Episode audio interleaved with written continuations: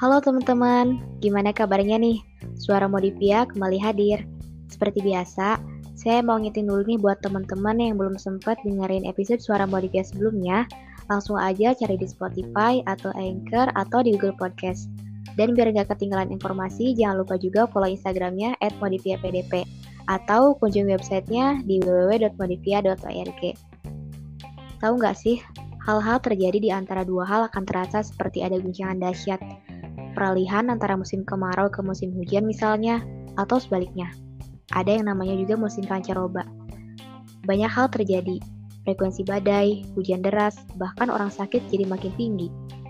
Di rentang kehidupan kita pun ada yang namanya emerging adulthood, fase antara remaja dan dewasa, antara usia 20 sampai 30 tahunan, di mana mulai muncul pertanyaan-pertanyaan galau, bimbang, yang kebanyakan individu pada akhirnya mengalami fenomena yang disebut quarter life crisis.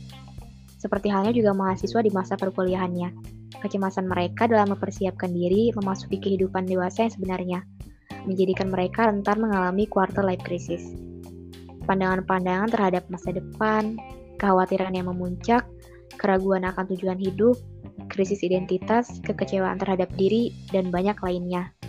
Tentang karir, peran sosial, kehidupan percintaan, pilihan-pilihan hidup, dan tuntutan-tuntutan semakin menambah rentetan pertanyaan di kepala. Karena itulah, Suara Modifia episode kali ini menyiarkan edukasi berupa pengalaman yang bisa dijadikan motivasi dalam menghadapi momen krisis di masa dewasa. Nah, sudah hadir bareng kita seorang lulusan psikologi terbaik UIN Sunan Gunung Jati Bandung. Kita sapa dulu yuk. Teh Farida Hayu Pramesti SPC. Assalamualaikum Teh. Waalaikumsalam. Masya Allah, gimana nih Teh kabarnya? Alhamdulillah baik. Alhamdulillah. Oke, episode kali ini kita bakal banyak ngobrol sharing aja nih sama Teh Farida. Bicara soal dunia perkuliahan, uh, saya jadi penasaran nih Teh, gimana perjalanan kuliah Teteh sampai bisa jadi lulusan terbaik gitu. Wah, berat juga ya. Nah, kalau ngomongin tentang perjalanan kuliah sebelumnya nih, uh, dulu waktu masuk ke kuliah ini, dulu sih waktu awal-awalnya mulai apa ya, masih ngerasa kayak, aduh ini bener nggak ya yang aku pengen, uh, aduh masih ngerasa nggak nyaman. Tapi ternyata setelah dilalui dan dicoba, kurang lebih waktu itu selama dua semester kali ya, kayak baru mulai menikmati perjalanannya sebagai mahasiswa psikologi. Uh, dulu karena baru mulai kuliah itu sekitar umur 18 tahun kali ya. Nah, jadi hmm. kayak masih ngerasa bahwa kuliah itu cuma sekadar belajar, seru-seruan, ngembangin diri, kemampuan diri, udah cuma sekedar itu aja. Nah, tapi ternyata terus berlanjut dan semakin jadi angkatan tua, eh kok akhirnya baru nyadar kalau, lah ini nanti aku lulus mau ngapain ya? E, mau jadi psikolog, atau mau kerja dulu atau gimana ya? Nah, pertanyaan-pertanyaan kayak gitu tuh baru mulai muncul di semester 6 berarti kalau dihitung-hitung sekitar usia 20 tahun 20 hmm. tahun. Nah terus dari situ baru mulai mikirin kayak aku mau gimana ya? Mau langsung lanjut S2 kah? Mau kerja dulu kah? Atau gimana ya?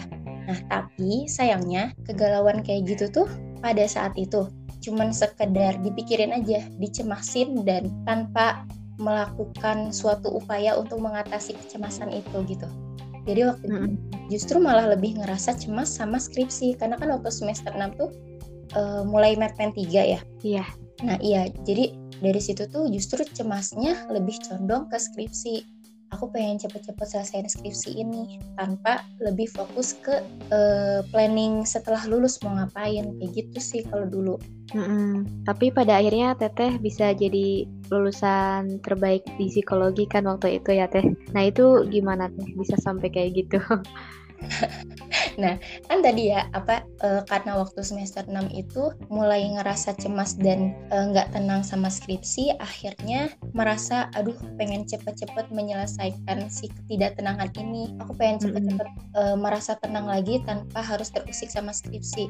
Itu sih sebenarnya yang apa ya yang jadi motivasi dan uh, acuan untuk nggak males gitu. Oke, okay. nah uh, dari pengalaman Teteh tuh yang sempat dialami, gimana sih uh, cara Teteh untuk melewati itu gitu? Uh, melewati kegalauan itu ya. Mm -mm. Uh, jadi kalau waktu semasa kuliah cara menangani kegalauannya itu adalah dengan fokus pada masalah uh, galaunya itu kayak tadi apa ya uh, kadang kita ngerasa resah sama masalah yang kita alamin kita ngerasa tertekan dan pengen masalah itu cepet-cepet beres cuman kadang kita uh, ngerasa nggak punya power untuk segera menyelesaikan permasalahan itu gitu Nah, jadi uh, waktu itu fokusnya itu adalah dengan masalah itu. Aku pengen permasalahan itu cepat-cepat selesai. Aku pengen ketidaktenangan ini berubah lagi menjadi tenang, berubah lagi menjadi happy dan gak cemas gitu. Kan kar uh, karena waktu itu tuh kayak ngerasa tidur nggak tenang, bangun tidur kepikiran, kayak gitu. Jadi ngerasa nggak tenang gitu dan pengen banget ngilangin ketidaktenangan itu gitu. Uh, selain punya uh, motivasi itu juga apa ya berkumpul sama teman-teman yang juga punya semangat yang sama. Kadang uh, memang apa ya faktor terbesarnya itu kan kadang dari lingkungan ya. Nah, ketika kita memutuskan untuk bergabung dengan lingkungan yang bisa support masalah kita, kita jadi ikut ke bawah gitu, pengen cepet-cepet uh, nyelesain masalah yang kita punya gitu sih. Hmm, tapi untuk sekarang itu berarti sudah terlewati ya teh masa-masa itu, atau sekarang masih uh, merasakan hal itu juga gitu?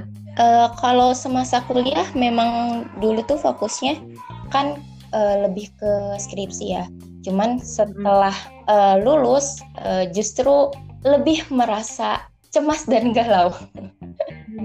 Karena dulu tuh ngebayanginnya gini, uh, waktu kuliah yang ada di depan mata hanyalah kelulusan. Dari situ kayak mulai, oke okay, aku akan fokus ke kelulusan itu. Nah, lalu setelah lulus, waktu itu nggak kepikiran habis lulus punya planning-planning apa aja. Memang sih ada planning kayak pengen lanjut S2 ah pengen gini nah tapi pada waktu itu karena memang belum berhadapan langsung dengan situasi setelah lulus jadi merasa bahwa planning itu ya udah cukup sekedar jadi planning waktu itu.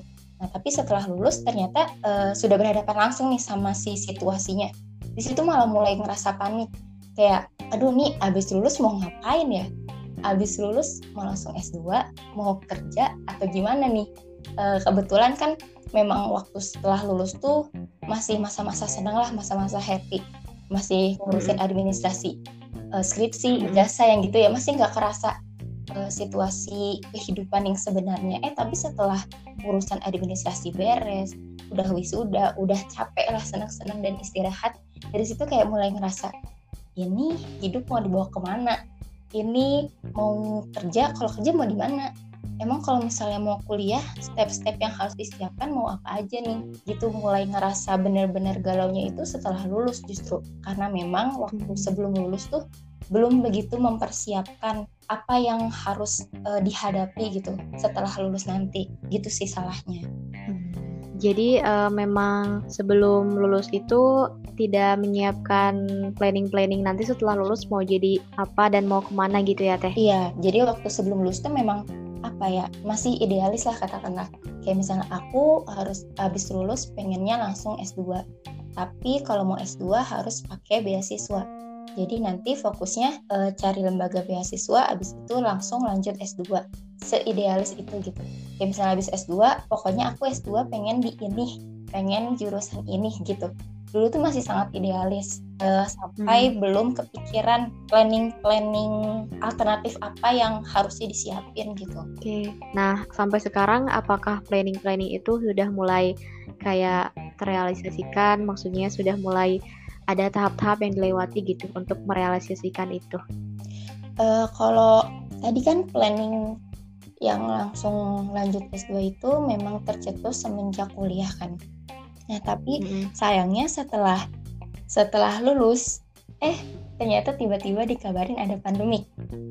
Itu kayak mm-hmm. langsung apa ya? Wah, pokoknya planning jadi kacau balau. Uh, pasti ngerasain sendirilah uh, walaupun masih kuliah tapi kayak ngerasa ini planning aku kok tidak terrealisasi gitu. Nah, hmm. ini kayak baru mau terjun ke dunia yang sebenarnya udah menyiapkan banyak planning. Memang fokusnya waktu itu kan pengen langsung S2 ya.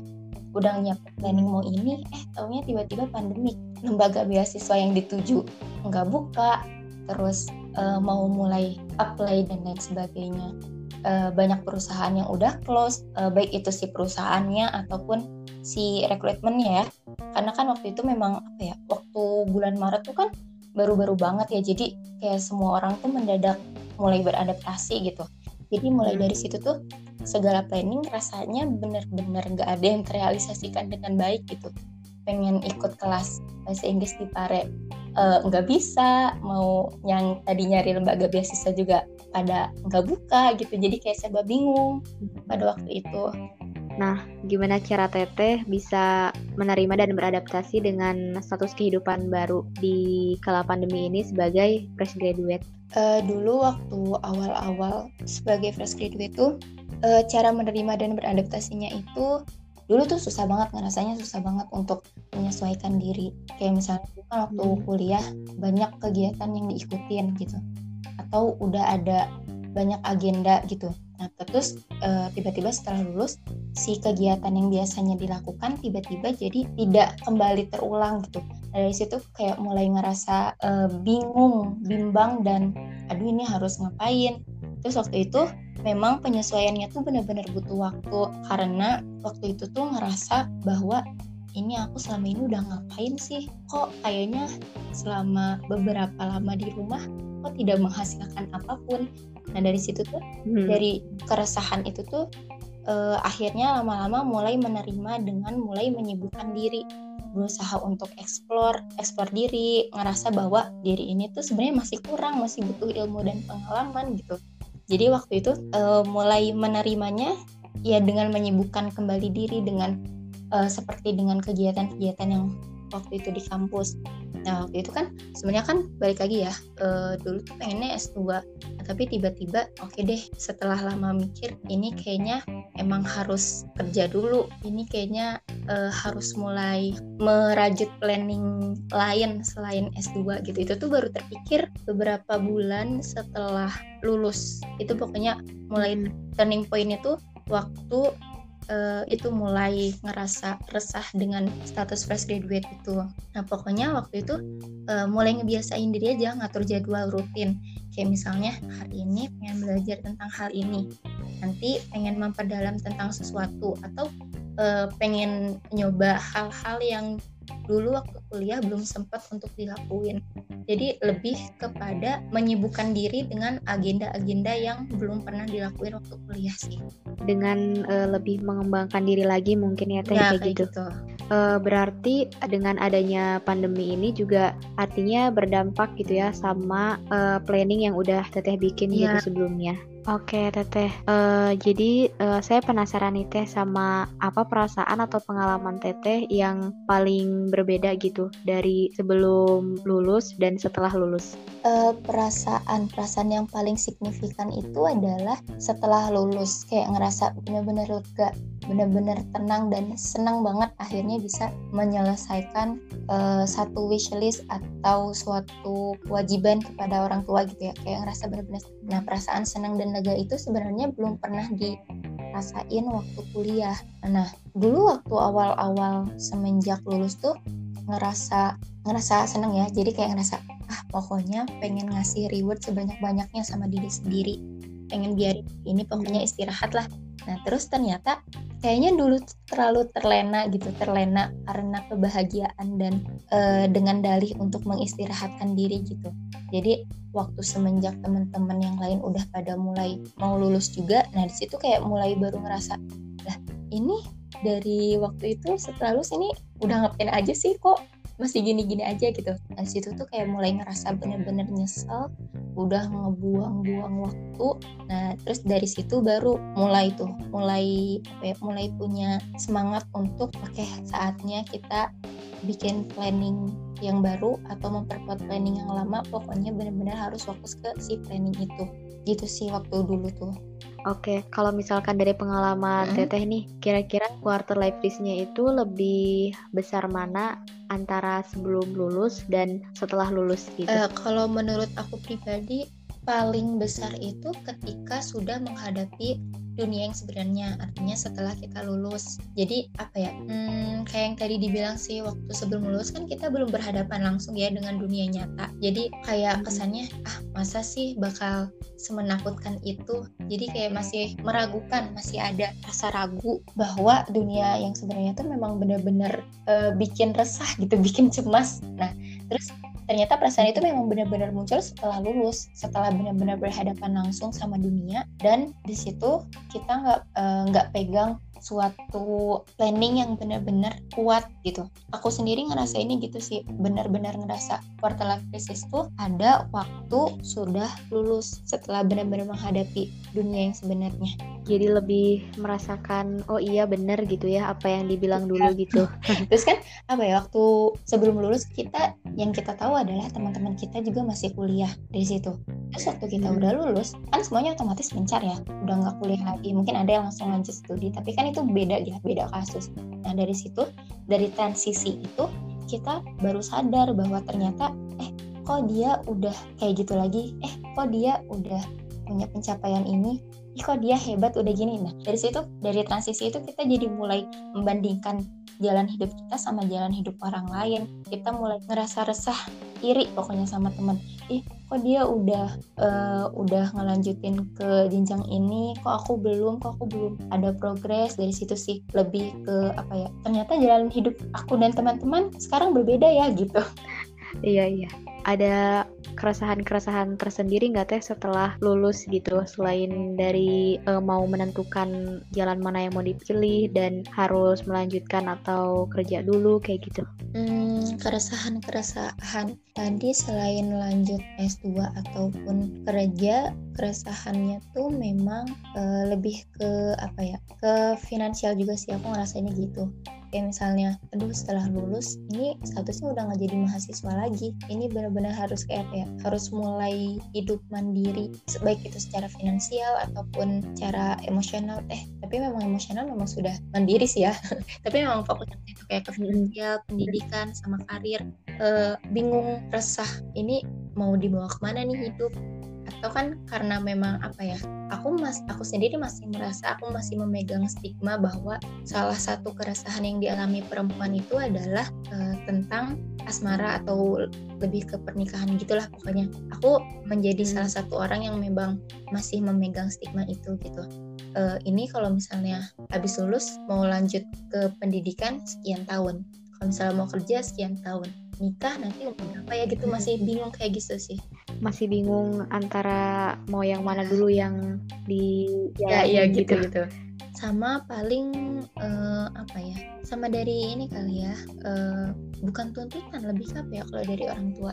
Sebenarnya memang tidak menuntut cuman kayak aku pribadi merasa eh, aku nih udah tua aku harus aku mau ngasih apa ya sama orang tua gitu juga sih lebih ke lingkungan iya ke keluarga iya jadi kayak serba di ditekan dari sana dan sini gitu. Mm-hmm.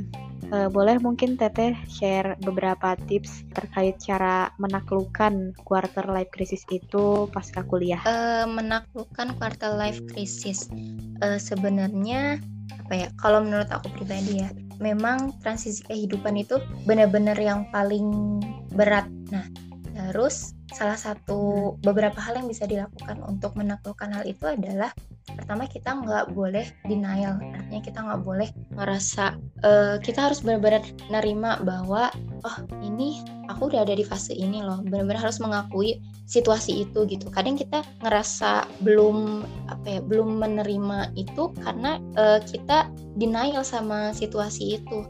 Nah terus yang kedua mungkin kita harus benar-benar stop ngebandingin sama sama temen sama temen sama orang lain. Memang sih apa ya membandingkan diri itu kadang bisa jadi hal yang positif tapi ketika dilakukan secara berlebihan justru malah bikin kita tertekan dan resah gitu. Nah kadang sebagian orang bisa meregulasi itu. Nah kadang orang lain orang yang lainnya nggak bisa menangani keresahan dan tekanan itu jadi justru malah lebih terlena sama uh, perasaan itu dibandingkan untuk fokus membangun diri. Nah terus selain itu hmm, bisa dicoba untuk lebih eksplor diri. Karena sebenarnya setelah lulus tuh kan kita jadi punya banyak waktu luang ya. Nah siapa yang bisa uh, memanfaatkan waktu itu? Uh, dia adalah orang yang menurut aku ya paling beruntung.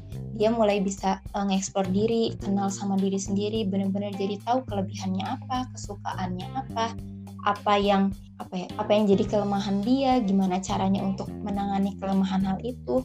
Nah pengembangan diri itu sebenarnya penting waktu uh, baik itu saat kuliah ataupun lulus kuliah. Nanti kan waktu lulus kuliah kan mungkin waktunya memang jadi lebih leluasa ya. Jadi kayak waktu itu bakal jadi waktu yang tepat untuk bisa ngembangin diri sendiri. Uh, jadi kita bisa tahu nih apa ya kira-kira yang bisa motivasiin yang bisa bikin kita semangat yang bisa bikin kita jadi semakin termotivasi. Nah, si pengembangan-pengembangan diri yang kita lakuin itu bisa jadi bekal untuk kita ketemu sama dunia pekerjaan atau lanjut lanjut studi atau apa pun itu. Itu bisa jadi benar-benar bekal untuk diri kita sih. Nah, terus kita harus ingat yang pasti bahwa situasi ini adalah normal. Situasi ini memang bukan terjadi sama diri kita doang, tapi memang terjadi sama semua orang. Semua orang pasti akan mengalami hal ini. Uh, aku bisa hmm. yakin sih kalau semua orang memang pasti akan mengalami hal ini. Nah, kadang ketika kita berada di situasi itu, kita uh, denial sama kenyataan itu, kenyataan bahwa semua orang pasti mengalami hal ini. Nah, kita tuh menolak hal itu. Kita lebih fokus ke diri kita sendiri.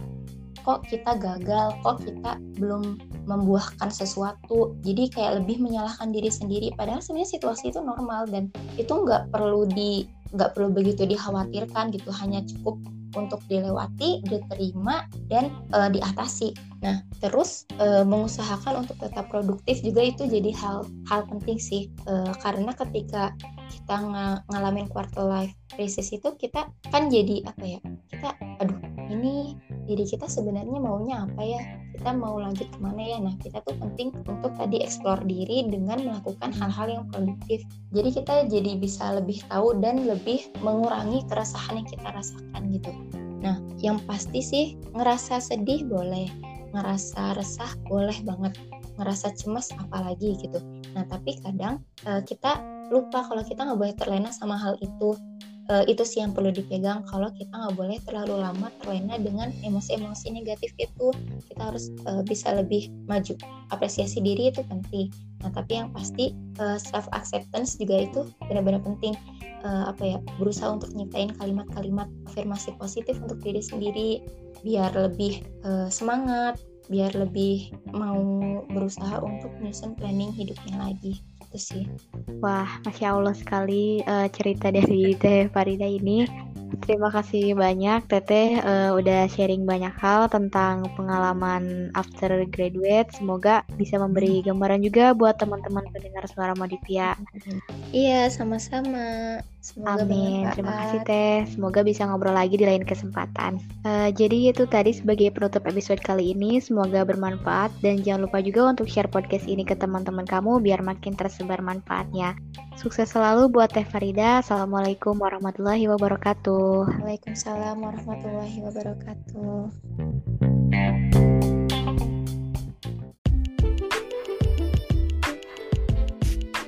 Dan terima kasih juga buat kalian yang sudah setia mendengarkan suara Modivia. Sampai jumpa di episode selanjutnya ya. Saya Suciana Rahmawati, pamit undur diri. Bye. Make a build the self.